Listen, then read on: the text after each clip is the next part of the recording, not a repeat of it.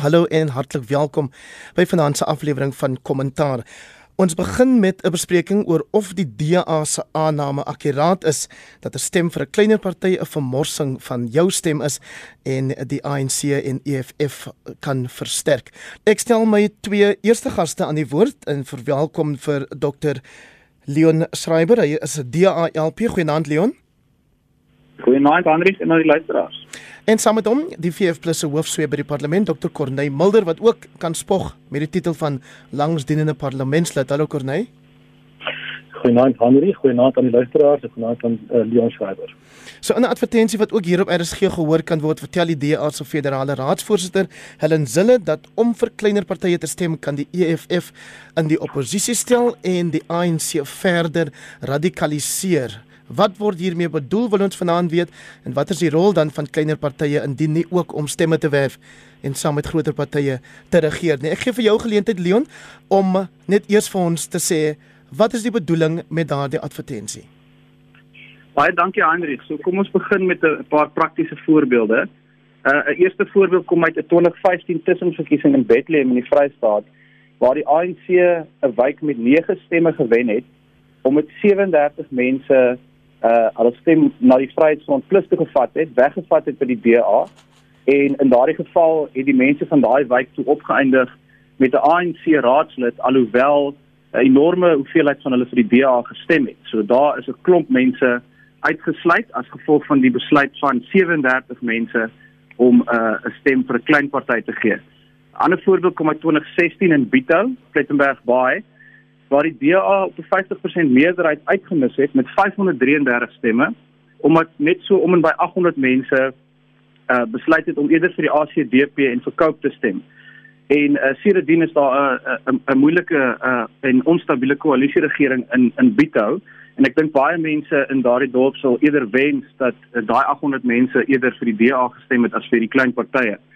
En 'n laaste voorbeeld kom dan ook op uh op metro vlak waar byvoorbeeld in Kaapstad wat ons almal weet die beste geregeerde stad in Suid-Afrika is, uh sê die VF+ se Lenet Max openlik dat sy doel in hierdie verkiesing is om die DA tot onder 50% te sleep.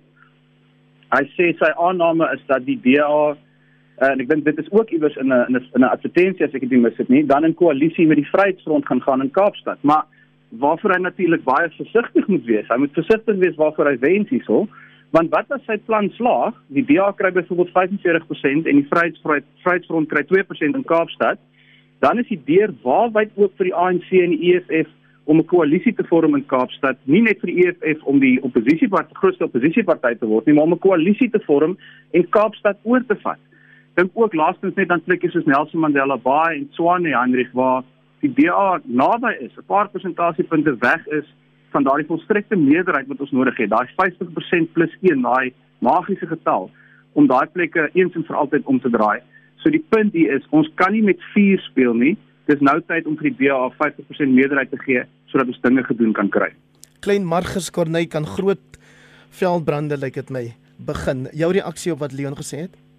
Ja, kom ek begin weer te sê, Heinrich, dit is uh, my werklik jammer. Dit is regtig jammer dat ons vanaand so genaamd hierdie gesprek hoor te voer Die Vryheidsfront Plus het vir die hele veld tog al meer as 'n jaar toe ons begin het, is ons fokus op die ANC. Die ANC is die probleem in Suid-Afrika. Die ANC het ons in hierdie situasie waar Suid-Afrika 'n uh, besig is om 'n mislukte staat te word en ons veg met die ANC. Nou ongelukkig is 'n maand gelede het die DA begin om die Vryheidsfront aan te val wat vir my verbasend is. Dit is regtig jammer. Ek dink nie mense behoort as oppositiepartye met mekaar in debatte te wees en gevegte te wees soos hierdie nie. Dit is on dit is onverkooplik. Ehm um, die enigste rede hoekom ons dit doen is om onsself te verdedig en dan doen ons dit baie graag. Um, ek wil eerlik begin deur te sê ek het werklik verstom oor Dr. Schreiber se aanval te hoe hierdie advertensie probeer verduidelik. Want dit is absoluut blaatant onwaar en dit is net eenvoudig nie die korrekte feite wat hier deurgegee word nie. Kom ons gaan na die advertensie toe. Die advertensie is in die naam van mevrou Zille wat begin deur te sê ek is Helen Zille van die DA. En dan sê sy in hierdie verkiesing is ons toekoms op die spel. Nou as hy daarmee bedoel die DA, dan is hy natuurlik heeltemal reg. Uh, maar ek dink sy probeer sê Suid-Afrika nie, die DA se toekoms is op die spel. En dan gaan sy verder en sy sê uh, sommer alle partye wat nie die DA as nie, is nou kans vir kleiner partye en ek sal terugkom daarna toe want dit is natuurlik ook 'n blaatant verleen. En dan die volgende standpunt om te sê ja, as jy vir kleiner party of ander party stem, dan verdeel en verswak jy die DA. Nou waar in ons stelsel het enige iemand die idee dat enige iemand se plig is om die DA te versterk? As jy begin by die begin, dan vind jy in ons grondwet, is absoluut vasgelê in die grondwet. Dit begin by die grondliggende beginsels in hoofstuk 1 wat sê Suid-Afrika is 'n veelparty demokrasie. En jy vind die gedagte van proporsionaliteit reg deur die grondwet, ook in artikel 19, ook in artikel 46 wat gaan oor die samestelling van die parlement op nasionale vlak. Sê die stelsel moet proporsioneel wees. Nou 'n proporsionele kiesstelsel maak vir 'n veelparty stelsel met verskillende politieke partye wat deelneem en elkeen het die volste reg om deel te neem. Nou om dood eenvoudig te sê dat jy jou stem vermors deur nie vir die DA te stem nie, is eenvoudig 'n blaatante leuen. Die voorbeelde waarna Leon Schreiber verwys vanaand is een of twee tussenverkiesings. Ons praat nie nou met tussenverkiesings nie, ons praat van 'n algemene verkiesing. En as ons oor tussenverkiesings moet praat, dan moet ek ongelukkig vir hom wys op Bethal. Dit het gebeur onlangs, 9 Oktober 2019. Het die DA die kleiner party gewees as er dan 'n kleiner partye is en die DA het stemme verdeel en gemaak dat die ANC die wyd gewen het met 6 stemme, anders het die Vryheidsfront Plus hom gewen. Die DA daar geëindig met 26% en die Vryheidsfront Plus het 36% gehad. So mens moet regtig bietjie uh, sterker omgaan met hierdie goeters as net hierdie paar propaganda stellings wat uh, Dr. Schreiber maak. Dit is regtig baie oppervlakkig. Die feit van die saak is uh, Heinrich dat ons kiesstelsel is baie meer gekompliseer as die simplistiese voorhou wat uh, Dr. Schreiber hier voorhou wat jy moet nou verstem as dit ons twee partye is die ANC en die DA. Dit is eenvoudig onwaar. Geen stemme gaan verlore nie. Jy het die volste reg en jy moet stem. Want elke stem wat nie vir die ANC uitgebring word nie, vir die party van jou keuse, help om die ANC swakker te maak en oppositie te versterk. En uh regtig, dit is eintlik teleurstellend dat hierdie advertensie maar dit getuig vir my van paniek op hierdie stadium. Erken julle Leon elke kiezer se reg om vir die party van of kandidaat van hul keuse te kan stem?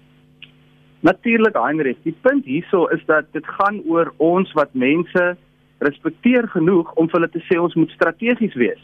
En ek wil net graag reageer op die punt wat uh, eh, Dr Mulder daar maak wanneer hy sê dis niemand se plig om die DA te versterk nie. Dit is almal wat van wat goeie regering wil hê in Suid-Afrika en 'n regering wat dinge gedoen kry se plig om die DA te versterk. Hierdie is nie 'n 'n 'n analise en 'n 'n wetlike gesprek nie. Hierdie is 'n politieke gesprek oor die toekoms van Suid-Afrika. Suid-Afrika se toekoms is inderdaad op die spel wanneer ons sien hoe lyk munisipaliteite dwars oor die land en dan terselfdertyd sit ons met net een party in hierdie land wat ook 'n party van wat regerings lei in Suid-Afrika munisipaliteite lei en die top 5 munisipaliteite in Suid-Afrika word almal deur die DAB. So ek sal baie sterk by die punt staan dat almal wat goeie regering wil hê, die plig het om die DA te versterk en om seker te maak dat die gevalle wat ek nou hierna verwys het, byvoorbeeld Bito in 2016 wat nie 'n tussenverkiesing was nie, dis 'n hele munisipale uh, verkiesing en uitslag. Die mense van Bito, ag meer as 48% van hulle het vir die DA gestem. Hulle wou goeie regering gehad het. Omtrent 800 mense is het het het afgesplinter van die oppositie stem af. Hulle stem dus nie vir die ANC nie. Hulle toe, hulle kon vir die DA gestem het, maar hulle het vir die ACDP en verkoop gestem. Die gevolg is daar 'n 5 jaar van onstabiliteit daarso is. So hierdie is die praktiese voorbeelde en ek gaan weer eens terug na Kaapstad toe. Die die die Vryheidsfront is besig om al hoe meer op te tree soos 'n soort oppositie teen die amptelike oppositie.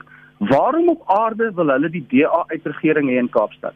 Dit is die een metro in Suid-Afrika wat werk. Dit is die een stad wat ons weet wat jaar na jaar skoon audits kry waar dinge gedoen word en tog maak Lenet Max dit sy besigheid om wyd en suid te verkondig hoe die DA nou onder 50% moet kry.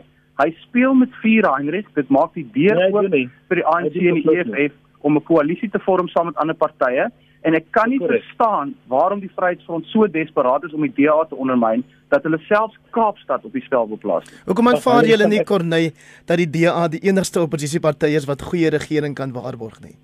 Net Leon Schreiber en Helen Zille glo dit. Dit is verstommend met alle respek, regtig, weet jy, dit is geen wonder dat hierdie hierdie benadering getuig van totale arrogansie. Dit is geen wonder geen oppositiepartye is lus vir die DA. Hoekom vergeet Dr. Schreiber? Hulle is baie gou-gou en tevrede om met ander oppositiepartye in koalisie te gaan wanneer hulle nie kan regeer nie. Daar's hierdie oomblik 'n koalisie in Essex vir 5 jaar saam met die Vryheidsfront Plus. In Swane Pretoria het hulle met ander oppositiepartye moet regeer om die koalisie daar te kan vorm. Dit is waaroor dit gaan. Maar regtig, hierdie ouers hierdie ou resepie wat ons almekaar moet hoor in dieselfde rympie van die DA regeer die wonderlikste op aarde. Dit bestaan nie, dit is nie waar nie. Oppositiepartye sal mekaar moet vind in koalisieregerings en saam kan regeer vorentoe. En regtig, nou om almekaar te kom oor hoe wonderlik dit is. Natuurlik kan die DA nie alleen vertrou word met regering nie. Dit is net van selfsprekend. Hoekom nie? Want die DA se oggend en middag praatjies verskil. Gisterand word gerapporteer dat die DA se burgemeesterskandidaat in Johannesburg onder die EFF koalisie aangaan. Vanmiddag repudieer die leier John Steenhuisen. Onmiddellik daarna spring sy om en sê nee, sy wil nie meer. Dan gaan Phoenix se plakate op wat sê dit is die standpunt, dan word dit afgehaal, dan bedank Mike Waters uit die party. Dan sê John Steenhuisen hulle stad vir die stadium en golfbane in Kaapstad gebruik vir laagkoste behuising, dan sê Celie Brink hulle wil. Die feit van die saak, die Vryheidsfront is vra nie verskoning daarvoor. Ons wil geen ANC of EFF regering in hierdie in Suid-Afrika sien. Wat die vader alleen weet, die die DA kan ook nie alleen met regering vertrou word. En die feit van die saak is, as jy gaan kyk na die, die proporsionele kiesstelsel, hy maak vir koalisie regerings nie minder nie, hy gaan maak vir meer koalisie regerings na hierdie verkiesing. En die verstommende van die DA is, hy val elke oppositieparty links en regs aan of dit nou Action South Africa is of dit die Vryheidsfront Plus is en na die verkiesing wil hy afspaal met almal gou in 'n koalisie gaan almal moet met hom saamwerk. Regtig, ek ek as ek vir die DA kan eerlike advies gee. Weet julle wat beteken leierskap? Wat daarvan julle artikel het gesê, dan stem vir die oppositiepartye van jou keuse en die DA kan leiding neem dat ons na die tyd koalisie regerings vorm om die ANC uit te hou. Mens noem dit leierskap. Maar die DA kan nie so ver kom nie. Daar's 'n rede hoekom hy nie so ver kan kom nie. Ek sal nou die beeld gebruik as ek 'n geleentheid kry.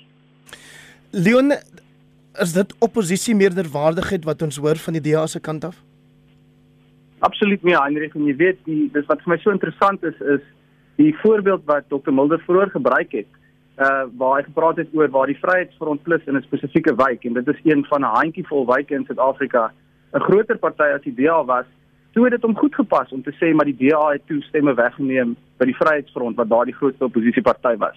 So die realiteit is hierdie argument werk, dit is die waarheid en hy het dit self gebruik en ons sien dat die realiteit in Suid-Afrika is dat die DA is die grootste oppositieparty. Ons is die enigste ander party in hierdie land wat regerings lei en Dit is waarom ons vir mense sê hulle moet ons stem op ons toevertrou. Maar ek wil graag reageer as ek kan, Heinrich, weer bietjie te praat oor wat Dr Mulder sê oor koalisies en die Vryheidsfront se rekord. Nou, van die luisteraars sal weet dat ek in 2018 'n boek geskryf het met die naam Coalition Country. So ek het 'n bietjie probeer vooruitkyk oor hoe koalisies werk. En een van die grootste waarskuwings wat daar uitgekom het, is dat minderheidsregerings en koalisies is onstabiel. En dit is veral onstabiel wanneer partye optree soos wat die Vryheidsfront onlangs in Pretoria opgetree het waar die begroting vroeër vanjaar deurgestem is. Die Vryheidsfront het dwars hierdie proses, hierdie begrotingsproses ondersteun. In die burgemeesterskomitee het hulle die begroting ondersteun en kort voordat die stemming plaasgevind is, gevind het, het daar oproep gekom van die Vryheidsfront se leierskap wat gesê het julle kan nie meer hiervoor stem nie. Sonder om 'n alternatief op die tafel te sit, sonder om voorstelle te maak, het die Vryheidsfront teen die DA regering, teen die begroting en teen die mense van Pretoria gestem. Is dit die optrede van 'n party wat jy kan vertrou in 'n koalisieregering? 'n Party wat saam met die saam met die ANC gestaan het voor die OVK om die deur oop te maak vir die ANC om weer kandidaate te registreer nadat hulle die afsnydatum gemis het.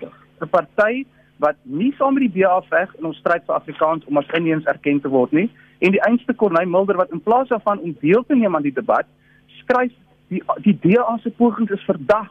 Hy probeer die DA en die stryd vir Afrikaans aktief ondermyn, net laasweek op Netwerk 24. As daar een koalisievernoot is hier wat onbetroubaar optree op hierdie stadium en wat meer soos oppositie teen die DA optree as oppositie teen die ANC, dan is dit die Vryheidsfront Plus. Corneil Mulder, hoe desperaat is julle dan om te regeer as julle na julle so sleg gesê word deur die DA steeds nog kans sien om met die DA in koalisies te gaan? Regtig ek ek dink Dr. Schreiber is nie ingelig nie. Hy moet regtig met sy leierskap gaan praat. Leon, weet jy wat? Einde van November gaan daar 'n buitelandse besoek wees wat mevrou Zille gaan aan deelneem saam met ander partye oor koalisies. Koalisies is 'n werklikheid. Of ek weet jy ek raak baie enige politikus wat met 'n storie kom van ons is die enigste party praat nonsens. Met alle respek. Leon praat met almekaar van die DA regering in Pretoria. Dit is presies die probleem. Daar is geen DA regering in Pretoria nie. Daar's 'n koalisie regering in Pretoria. Regtig ons moet ons moet daarmee met terminologie in die werklikheid omgaan. Koalisies is nie onstabiel as hulle reg saamgestel word nie en dit is wat basies gaan gebeur. Ek wil net Die beeld wat ek wil gebruik is die volgende. Hoekom is die DA aan hierdie krisis wat hy nou is? Want hy val nou oppositieparty aan en as ek net dit kan sê, die Vryheidsfront Plus is lankal nie meer 'n klein party nie. In die 2019 verkiesing was daar 48 stemme 'n party op die stembrief. 14 het dit gemaak in die parlement. Die Vryheidsfront het geëindig as die vyfde grootste party. In hierdie verkiesing is daar 325 partye wat deelneem. Die Vryheidsfront Plus is die vierde grootste party. Ons is nie 'n klein party nie, maar weet jy hoekom noem ek noem ek deel aan hierdie debat? Om op te kom vir al die ander politieke partye en onafhanklikes daar buitekant wat met reg mag deelneem omdat hulle saak het en te vra vir steun daarvoor. En dit is verskriklik arrogant vir 'n party om te kom sê net hy die reg. Die beeld wat ek wil gebruik is die volgende.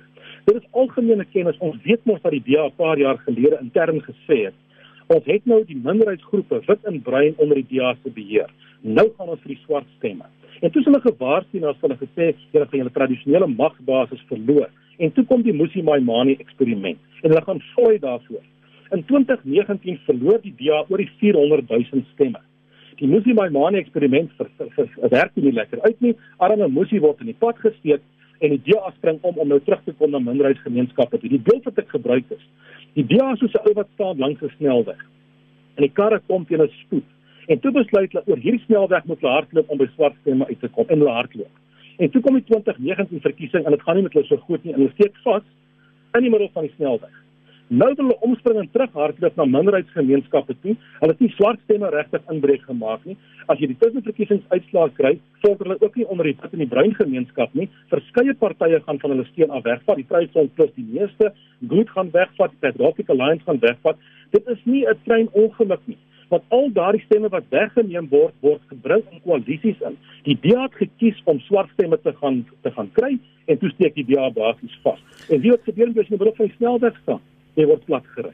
En dit is die dilemma wat die DA kan sê. Om nou met hierdie advertensie te kom, is regtig 'n miskenning van die demokratiese stelsel van veelpartytjie demokrasie en dit getuig regtig van paniek. Die DA moet bietjie meer vertroue in hulle self hê, gaan doen wat hulle besluit het, gaan voluit vir die swart stemme, maar nou is hulle in die middel van die snelweg.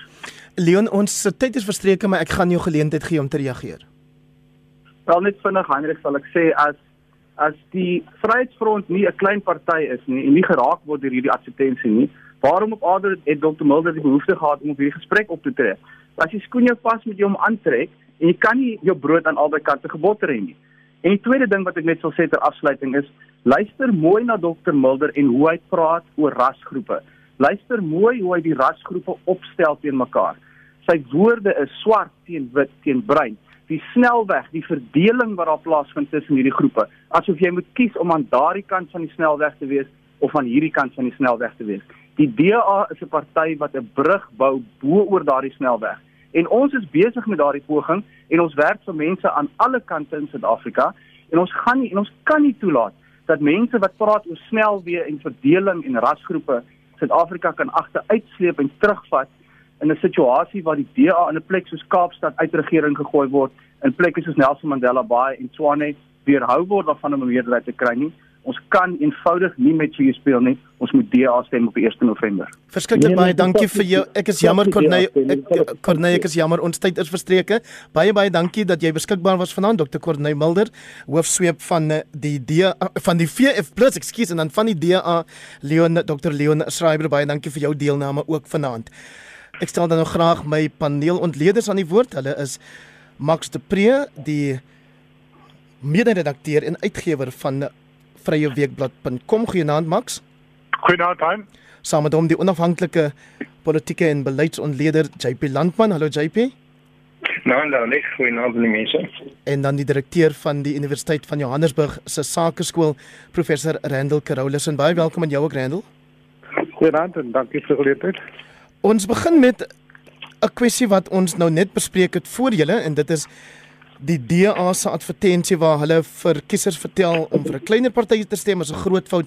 Jy gaan die ANC en die EFF op daai wyse versterk. Ek dink ons kan 'n bietjie tyd daarin afstaan voordat ons na ons ander kwessies kyk. Max, jy wil dalk afspring. Laasweek was dit die omstrede Phoenix plakate wat ons hier op die program bespreek het en nou die aanvegbare skyn dit stelling van die DA. Ja, ek het na die na die ehm um, bekgeveg geluister. Ehm um, en dit is seker so dat die DA weet ehm um, dat van hulle stemme gaan afbloei na kleiner groepe. Veral na die Vryheidsfront Plus. So dit is nou maar 'n poging om om dit te probeer keer. Ek soos ons uh, almal kan uitwerk. Is dit nie heeltemal korrek nie? Ehm um, dat 'n stem vir 'n klein partytjie uh, is 'n gemorste stem. Dis 'n plaaslike verkiesing hierdie ook. Ons moet onthou. En as jy my vra, is dit die plaaslike verkiesing wat die eerste keer uh die die gebruik van onafhanklike kandidaate gaan inlei.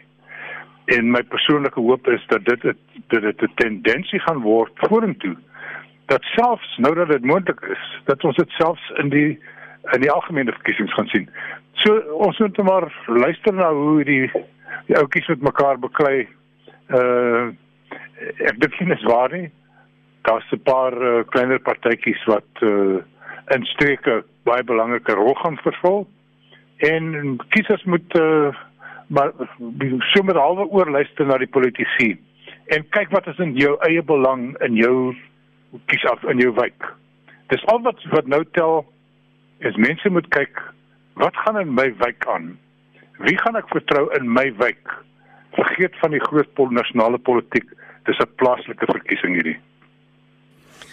Dr. Carolson Ja, ek stem net heeltemal saam en dit is 'n plaaslike verkiesing en ek en ek verwelkom veral die uh, onafhanklike uh lede wat hulle sou beskikbaar maak. Die eers vir net politiek en ek dink al is bietjie bekommerd dat hulle gaan redelik steek verloor aan mense wat in die plaaslike gebiede bekend is. En dan moet ek dink aan uh, wat is die profiel van 'n goeie raadslid? Dis natuurlik iemand wat kundig is, wat ingelig is, maar oorwegend empatie het met die met die gebied wat hy wat hy wat hy voorstaan. So dit is maar net 'n 'n keerwal so as daar word dis dit in Afrikaans van die idee om op uh, bloei te stop. So ek het by 'n uh, simpatie met hulle oor dit. JP het um, pas 'n uh, artikel geskryf oor die plaaslike verkiesing en jy verwys daarin onder meer na Kanaland wat 'n uh, munisipaliteit is wat deur 'n sogenaamde kleiner party regeer word maar glad nie 'n goeie prestasie rekord het nie. En ja, absoluut. Ehm um, jy weet daar is die, die versigtiging vir onafhanklike kandidaate wat sal inkom en uh eh, 'n beter bedeling in die politiek gee. Dit is nie noodwendig die uitkoms van onafhanklike kandidaate nie. Jy kan jy kan 'n onstabiele gemors kry soos eh, soos in Kanaland. Maar op die op die DA se storie wil ek net sê nommer 1 dit is dis 'n ou tema, dis nie die eerste keer dat die DA dit gebruik nie. In vorige verkiesings is dit ook gebruik, die ding van moenie vir klein partye stem nie, dan help jy net die ANC en dan help jy net die EFF. Ek dink in 'n proporsionele stelsel soos wat ons dit Heinrich uh is daar bitter min gemorste stemme. Elke stem wat uitgebring word word uiteindelik gereflekteer in die samestelling van die stadsraad in hierdie geval want uh soos die paneel gesê het uh, dis 'n plaaslike verkiesing maar geen stem word eintlik gemors nie. So uh, dit is nie 'n argument wat my wat my vreeslik water hou nie. Ehm um, gaan gaan stemme bring jou stemme toe hier ook al wil. En dan agterna moet mense mekaar maar uh, moet mense mekaar maar vind. En mense kan dit sekerlik verwag Max dat mense mekaar agterna sal vind ten spyte van wat jy genoem het 'n bekgeveg wat ons vroeër gehoor het op die lig. Ja. Ja, en ek dink op op uh, in in vele plaaslike owerhede ehm um, gaan die Vryheidsfront plus in die DA nie baie sukkel om uh, met mekaar oor die weg te kom nie. Ehm uh, dit is al twee partye wat waar korrupsie baie skaars is. Ehm um, So dit dit dit, dit gaan nog vir ons ons moet nog met sien hoe die koalisies gaan werk. En ek dink uh, uh miskien 'n bietjie met JP verskil. Die die die status van onafhanklike kandidaate die keer is anders as tevore. Deels omdat omdat die die uh, ontgoocheling met die groter partye so so sterk geword het. Daar's geweldig baie ANC mense wat nie eintlik elders 'n politieke tuiste soek nie, maar gekyk het hoe, hoe hulle party met hulle gemors het die laaste 5 jaar. En dan het ons die Musi my money faktor. Ehm um, wat soort van 'n sambreel geskep het. So wat gaan hierdie onafhanklike kandidaate doen? Ehm um, die die vrees is natuurlik dat hulle op ingesluk ingesluk gaan word uh, deur van die groter partye en dan is eintlik jou stem maar gemors Maar as jy kyk na van die gehalte van van die kandidaate. Ek het net nou weer op televisie 'n paar van hulle sien in 'n openbare debat deelneem. Hoë gehalte mense. Ek dink hier was 'n verskywing. Ek dink Suid-Afrika is 'n punt wat wat wat die meeste mense besef dat plaaslike regering in hierdie in hierdie land is waar ons die staat die eerste keer voel en en dit is 'n gemors dit is 'n ongelooflike gemors en hier moet 'n draai gemaak word Rendel hoe reken jy moet daar besluit word oor wie met wie saamwerk na 'n verkiesing Weet jy dat uh, ek ons kyk te veel na die politisie of om vir doeltreffende dienslewering te bied. Ek dink ehm um, daar's 'n stelsel sistema stelsel probleem wat ons mis het. Ehm um, en tot 'n mate toe sê kamper dat ons kan maar weer verkies vir wie ons wil, maar as ons kyk sistematies na die probleme gaan ons nie verder kom nie en, en dis waar ek eintlik wil afstuur. Baie van ons se se ondoeltreffende dienslewering is juist as gevolg van of 'n doelbewuste verwarring van die rolle van van die raad en van die uitvoerende amptenare of 'n siniese uitbuiting van swak korporatiewe bestuur. En as ons dit aanspreek nie, dan dan gaan ons maar net weer oor 'n paar jaar maar weer sukkel om te sê wie is die aangewese of die beste kandidaate. Baie gesê natuurlik word ek nie die politisie politisie van die, van die ehm um, tafel af nie.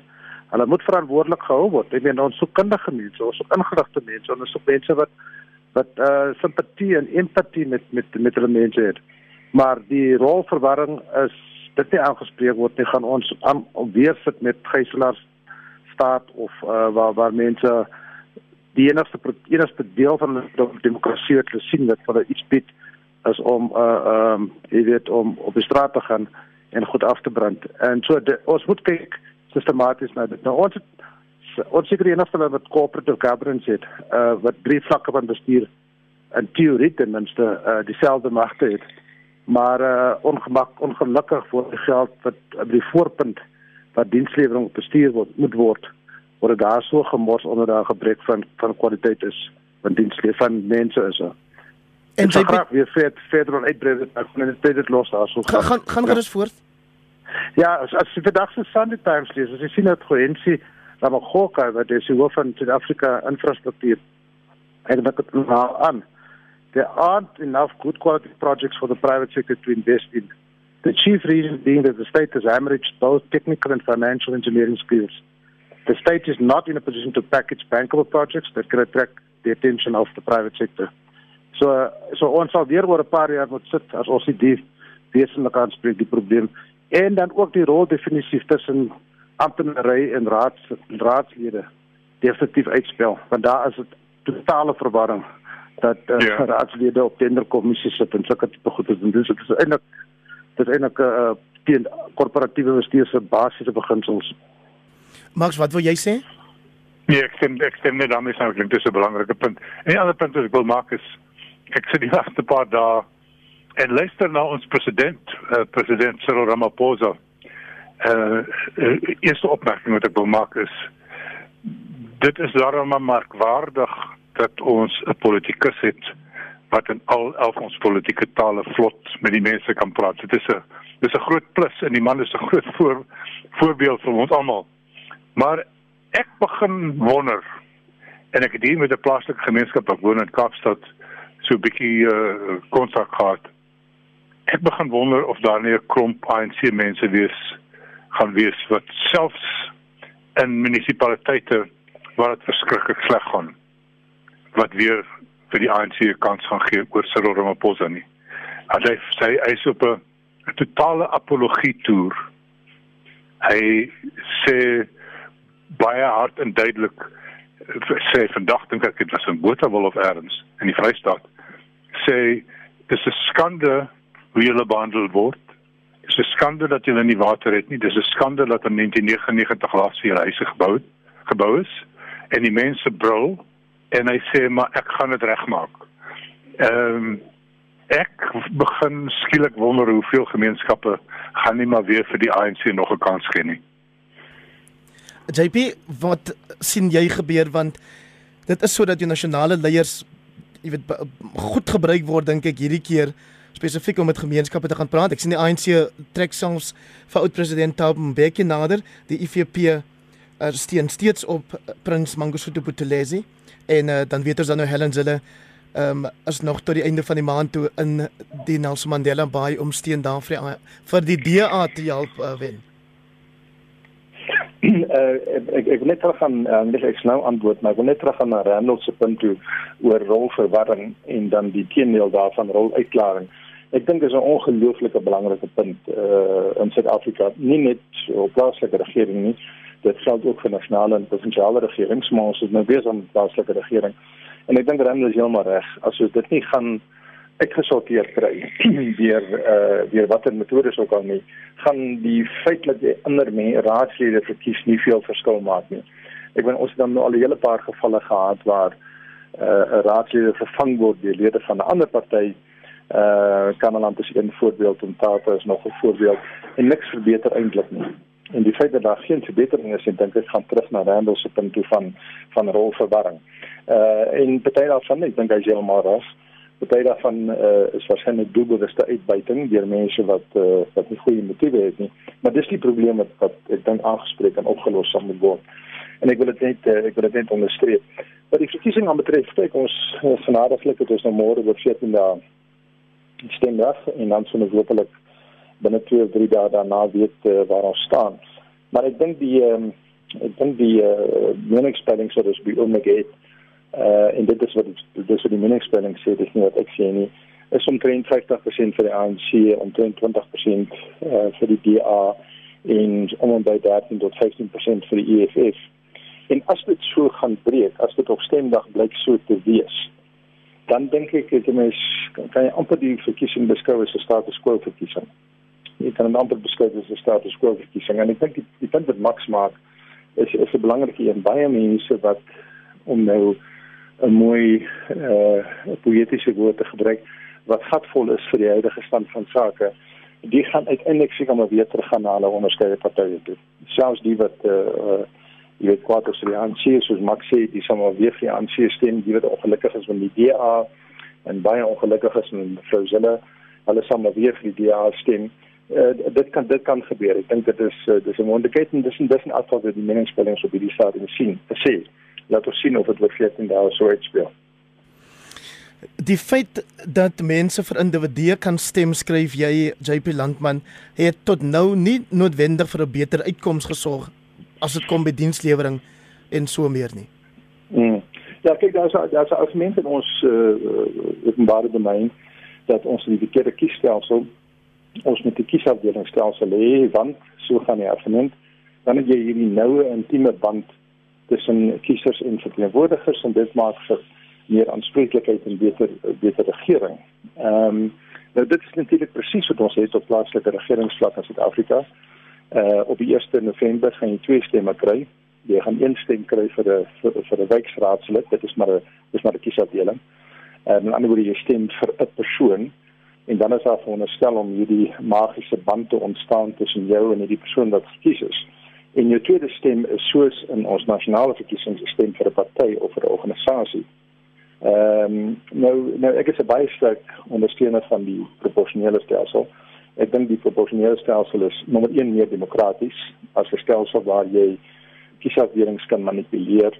En nommer 2 dit gee vir kleiner groepe en minderheidsgroepe uh, gee dit nog steeds 'n stem wat maar vir die EFF uh, die EFF sou sou glad nie op plaaslike bestuursvlak gefigureer het as dit nie was vir die uh, PR stelsel die proporsionele stelsel nie dieselfde geld vir die DA en dieselfde geld vir die IFP en so kan jy aangaan en in die Weskaap uh, geld dit vir die ANC so ek is 'n uh, ek betwis van net die ek betwis van net die aanname wat gemaak word deur almal dat as ek tog maar net kan stem vir my kandidaat wat ek persoonlik gekies het dan gaan daar beter regering wees. Die swakste regering wat ons in Suid-Afrika het, is op provinsiale vlak. Ek dink daaroor kan ons saamstem maar so gesê dis totale gemors.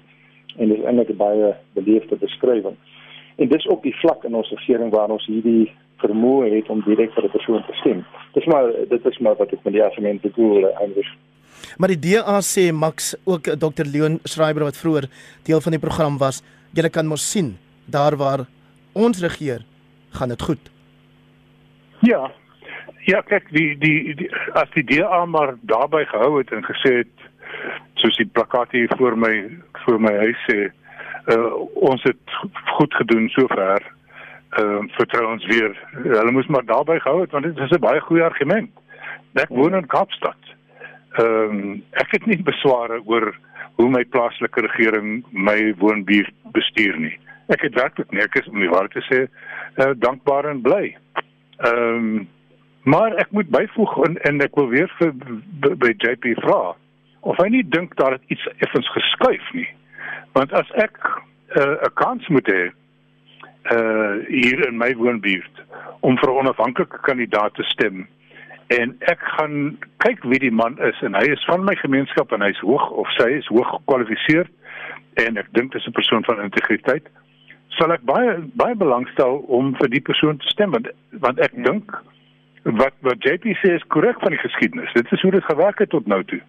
Ek voel in my bene dat hier iets geskuif het en ek wonder of JP dit nie raak sien nie. JP Nee, ek stem daarmee saam Max. Uh, ek dink iets is aan die skuif, maar ek dink ons het net 'n nuance nodig. Kyk daar neem ehm um, aan hierdie verkiesing met die plaaslike verkiesing môre op die week gaan daar 1481 uh politieke organisasies deelneem. Nou kom van hulle is die politieke partye wat ken, die uh, ANC, EFF, IFP en so en so aan. Maar dan is daar ook 'n horde uh organisasies wat geregistreer is in die naam van plaaslike in die naam van plaaslike onafhanklike kandidaate. Uh jy's nie 'n maniese beweging in 'n uh, vereniging uh, val driehoek. Uh hulle staan onder 'n naam uh en hulle het iets soos 112 kandidaate gestel. En en daardie kiesafdeling. So hulle opereer as 'n groep en die rede hoekom hulle as 'n groep opereer of liewer die rede hoekom hulle as 'n groep geregistreer het en as 'n groep aan die verkiesing deelneem is dat hulle wil daai tweede stem kry. Hulle wil daai proporsionele stem kry. Dit help nie jy word met 'n oorweldigende meerderheid verkies in jou wijk en die en die tweede stem verloor jy en jy kry dit nie. En dis hoekom dis hoekom nou so baie organisasie deelneem. Nou is die vraag na die verkiesing kan hierdie mense wat nou geregistreer het as 'n groep kan hulle ook opereer as 'n groep en 'n impak hê. En ek dink ek moet mense luister na wat eh uh, meneer Allan Windy van die Weskaap eh uh, sê hy het 'n nasionale plaaslike politiek aangekom as 'n onafhanklike en hy het baie gou gesien op die nasionale stadsraad dat uh, as jy nie lid is van een van die twee kokusse nie, en meestal was dit nou of die ANC kokus of die DA kokus. As jy nie lid is van een van die twee kokusse nie, dan gaan jy niks regkry nie. En toe hy besluit om sy onafhanklike status op te gee en hy word toe lid van die DA en nou ja, die res is geskiedenis. Hy is nou DA premier van die Weskaap. En ek dink mense net daarvan kennis neem in 'n stadsraad in 'n provinsie in die land uh jy werk maar met 'n jy werk maar met 'n stelsel waar uh, noem dit 'n caucus of 'n groepering belangrik is jy jy wil meerderheid stemme kry jy wil 'n begroting goedgekeur kry jy wil 'n wetgewing goedgekeur kry jy wil 'n pad regmaak al die goed is afhanklik van 'n meerderheidsbesluit dan kan jy ander mense op die raad kry om saam met jou 'n meerderheid te vorm jy dit dit is waaroor dit gaan ek dink ek dink ek hou vir die uh, uh Musi Maimane groep dop. Ek hou vir uh Omen Mishawa se actions in Afrika dop. Hulle het ons almal nou dop. En net van kyk wat gaan gebeur in die Oos-Vrystaat by Maliki Appelfing waar daar ook 'n sterk onafhanklike beweging staan, maar hulle staan as 'n groep. Hulle geregistreer as 'n groep en hulle staan as 'n groep in daai verkiesing. So mense sien hoe dit uitspeel, maar ek dink ek, ek steel ek ek, ek, ek steun Max se sentiment. Ek dink daar is 'n beweging aan die gang. Hoe dit gaan uitspeel presies, wel dit sal ons moet sien. Renner, 'n ja. laaste gedagte oor die plaaslike verkiesing. Ehm um, die ervaring van goeie bestuur deur die DA, soos wat Max ook na verwys het, die word natuurlik anders ervaar. Wys iemand mm -hmm. soos eerwaarde Courtney Sampson gereeld vir 'n mens uit wanneer jy in gebiede woon wat anders is as die waar Max woon. Uh dis baie ja, die DA uh presteer goed in plekke wat ek en Max en bly en dit is redelik tevrede met die dienslewering hier.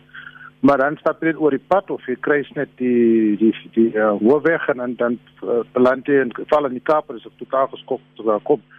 Die die toestande wat mense in lewe en dan vra jy jouself maar het die wêreld dan gestop by die N2 as jy oor die N2 gaan dan dan, dan lyk dit jy is in in in dit is chaos absoluut chaos Maar ek wil byvoeg uh by dit. Ek dink amper dat hierdie verkiesing is 'n waterskeiding. Ons die die dit gee vir ons net geleentheid vir die volgende 4 jaar.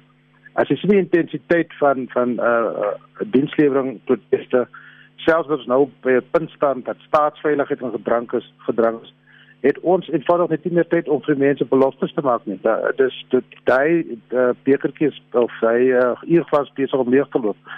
So ek dink dat ons as ehm uh, citizenry as ek dit in Engels kan uitdruk so ons sal baie beter moet uh, interaksies hê met ons politici tot verantwoording bring en dan ook uh, help met hy rol rol uh, definisie dan ek dink nie ons het baie meer tyd oor om om nou nog weer vir nog 'n kans te gee nie wat my ook bekommerd is dat die die ANC bou hulle hele uh, hulle hele uh, poging rondom hulle president nou ons almal weet dat dit dat dit drama jy kan net sê charismatiese president het en daar sit doeltreffende doeltreffende uitvoering nie. So uh, al daai goed speel rondom met kop as ons dink aan die toekoms. Maar ek dink ons het die volgende 4 jaar as ons kon oor 4 jaar weer dieselfde gesprek het, dan dit gaan ons net dieper in die in, in die gatte wees. En 'n pitlatrine wees dink ek kom ons so te stel. Ehm uh, ja.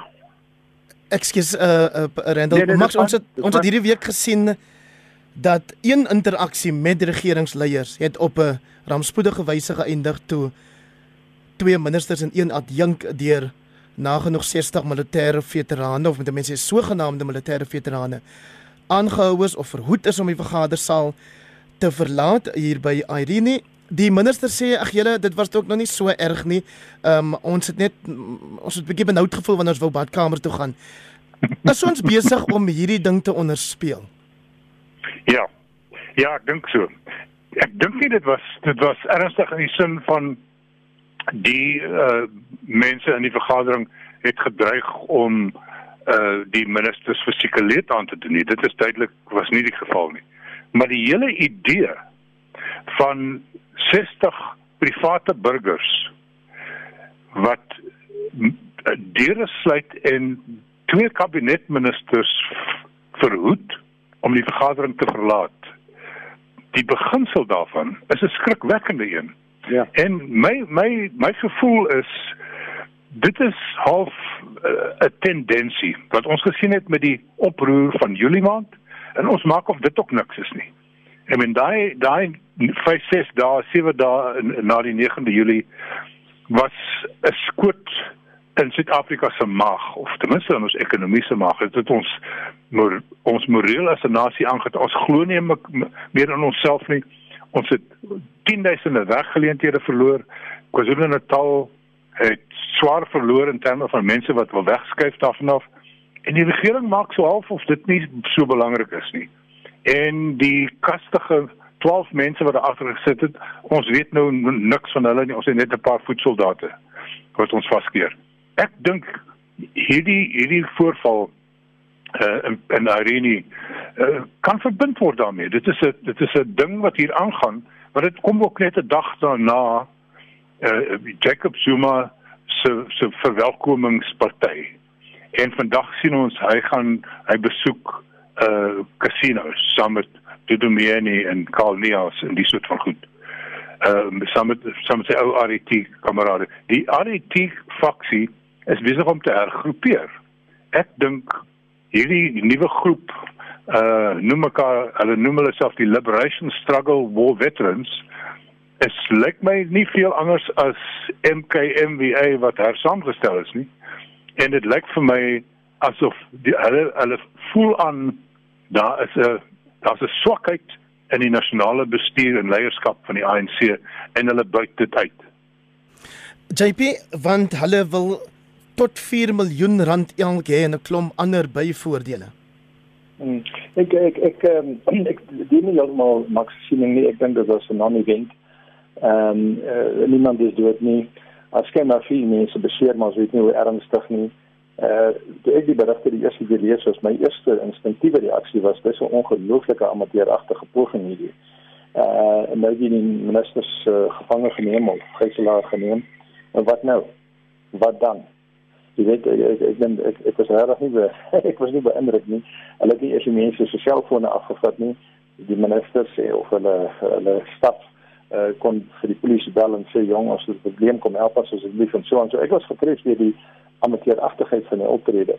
Wat betref die gebeure self, ehm um, ja, kyk 'n mens wil nie hê dit moet gebeur nie. Dit is heeltemal waar. Ek maak se heeltemal reg. Die beginsel is nie reg nie. So aan maar wat het nou regtig wat het nou regtig uit voortgevloei? En dieselfde week het ons taksies gehad wat verbrand is in Johannesburg en daar was 'n uh, taxi en lyk my ook anti-immigrante geweld in in uh, in norm uh, in Nelson Mandela Bay. Dit is amper vir my vir my is dit belangriker as dit gebeur by by Irene. En wat wat Zuma se se se toespraak aan betref net twee opmerkings. Ek dink ewenigs dit dit word uh, die belangrike daarvan word in 'n sin oordryf. En twee, en dan het mense gevra vir die ANC te stem. Hy in in daai video het hy uitdruklik gevra mense moet vir die moet vir die ANC stem en dis die tweede keer nou in die in die plaaslike verkiesing en dis die tweede keer wat hy die oproep maak, nie die eerste keer nie. En Max is heeltemal reg, hulle hulle dink Cyril is 'n swart leier en Zuma het ook gesê in sy oproep dat mense ANC moet stem. Het hy gesê ons is nie teen die ANC nie, ons is net teen die huidige leierskap.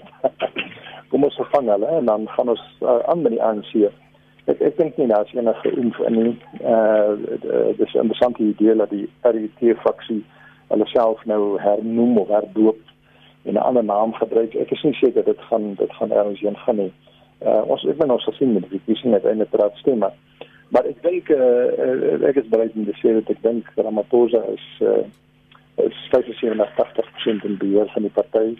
Die ouens wat teen hom is en wat teen hom mobiliseer en so aan is 'n is 'n besliste mannery. Ons kan argumenteer hoe hoe mannery is. 1%, 5%, 5%, wat ook al. Jy daar kan 'n mens twis. Maar hy uh, hy is presies in beheer van die party en ek dink die uh, die aanslag wat hy gebruik in die verkiesings soos Max uitgewys het, mag dalk net 'n baie goeie aanslag wees van ek is jammer, ek is jammer, ek is jammer, stem asseblief vir my. Dit mag dalk net werk.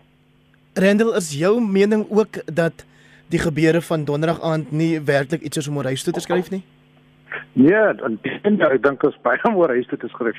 Uh alhoewel beeste ek stem saam met amateuragtig en my tendens om staatsveiligheid as 'n wapen te gebruik of die bedreiging daarvan is absoluut onaanvaarbaar. Uh onthou ons lewe in 'n globale wêreld en die res van die wêreld kyk na ons en ek het vandag iewers gesien in Bloomberg ek kan op vanaf probeer soek. Uh die wêreld so geskok is geskok oor ons uh blasé is oor staatsveiligheid. Nou wie onthou daar's ander uh gevolge. Dit mense kyk na ons voor hulle investeer, hulle kyk na ons voor hulle vir geld gee en, en al daai faktore dryf uh sal ek sê die die ehm um, die confidence in die land uh, na na uh, afsnypunt toe wat hulle net sê nee maar wag ja. dis dis dis dis dis dis kant om ons Suid-Afrika te is nie. Want dan ons skuld is al reeds baie duur en ons het al reeds 'n klomp skuld sodat ander meningspeilers wat nie baie gelukkig is om dit nie. Nou ons kon dit hanteer en ja, dit het nie te niemand het sy lewe verloor nie, maar die tendens as dit nie kort geknip word nie dan dan is ons op 'n slippery slope soos die mense sê in Engels. Baie flippend sloop. Ek daar reageer. Uh jy weet hierdie week het ons gehad 'n Britse parlementslid wat doodgesteek is met 'n mes in sy kiesafdeling. Niks wat in Suid-Afrika gebeur het uh die afgelope week van ministers of so is eers naaste my vergelykbaar daarmee. Nie. Op die 6de Januarie het ons 'n aanval gehad uh op die Amerikaanse Kongres, hulle parlementshuis. Niks wat hier gebeur het, dit is daarmee vergelykbaar nie. Ehm um, ek dink mense moet ook jou perspektief op die goed behou. Toevallig uh, jy verwys na die na die lang koers uh, meen dat dit hierdie week het hmm. afgekom. So uh, jy weet as, as mense daarna kyk dan moet jy sê dat dit 'n impak gehad het.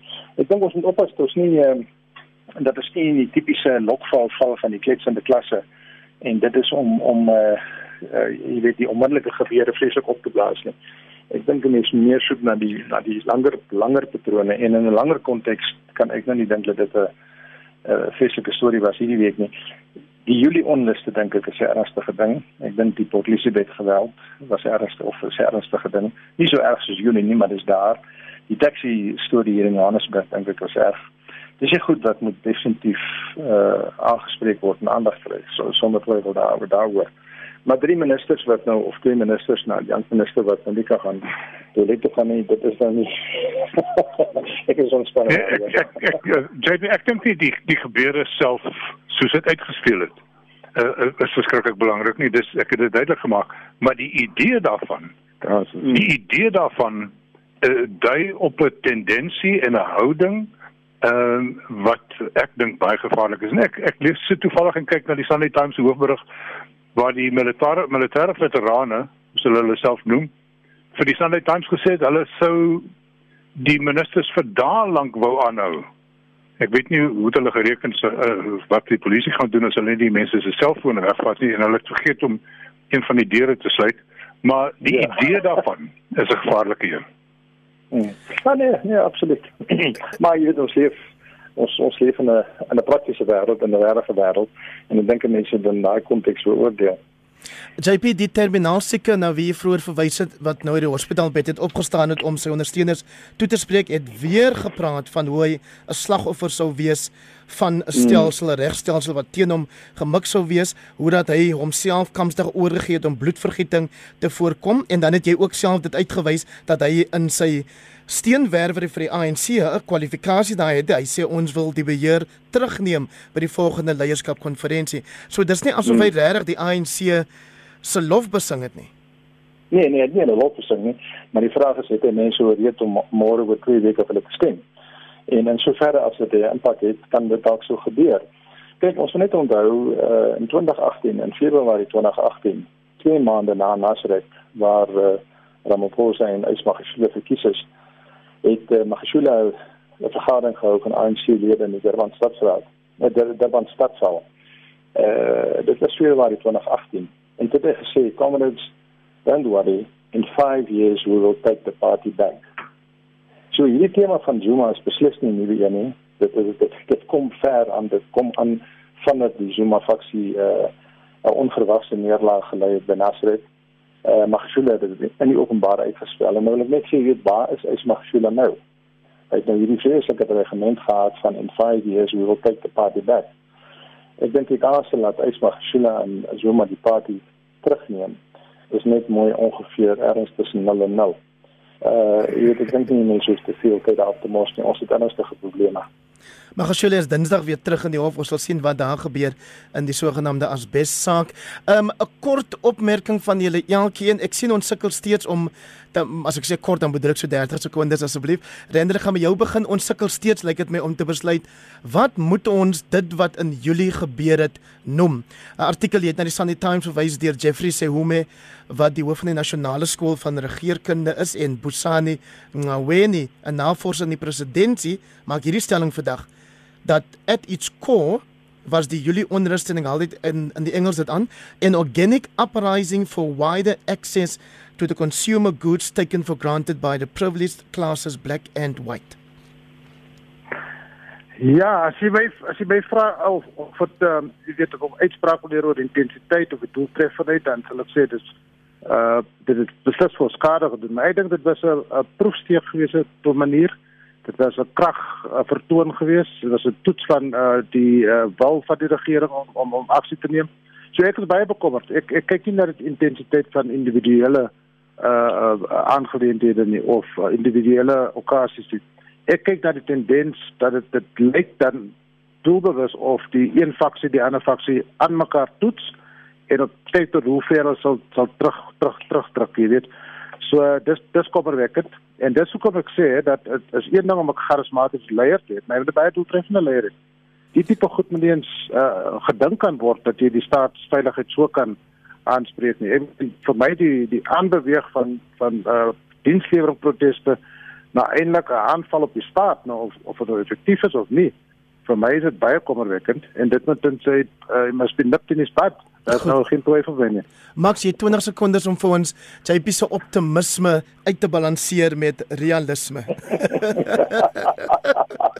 nee, ek is nogal meestal meeste van die tyd is ek sing ek sing ek saam met JP in die Pollyanna koor. Uh, behalwe behalwe wanneer dit kom by uh, by die Julie oproer. Uh dit stem my dit maak my baie bekommerd en die die daar is sekerlik 'n klomp mense wat net gaan sê ek het niks ek wil iets hê. En uh, maar die hele beplanning daarvan was anders, die die goed wat geteken is was anders en die reaksie daarop, die gebrek aan reaksie daarop maak my diep bekommerd. Ek vra om verskoning dat ek jou moes kort knip. Uh, baie baie dankie Max de Pre, mede-redakteur en uitgewer van vryeweekblad.com saam met hom vanaand professor Randall Carolison, die direkteur van die Universiteit van Johannesburg se besigheidskool en saam met hulle die onafhanklike kommentator JP Landman. Groot waardering vir julle drie. Groot waardering ook vir Dr. Corneil Mulder en Dr. Leon Schreiber wat aan die begin van die program saamgesels het. Van my Hendrik, mag jy 'n fantastiese en gesonde week hê.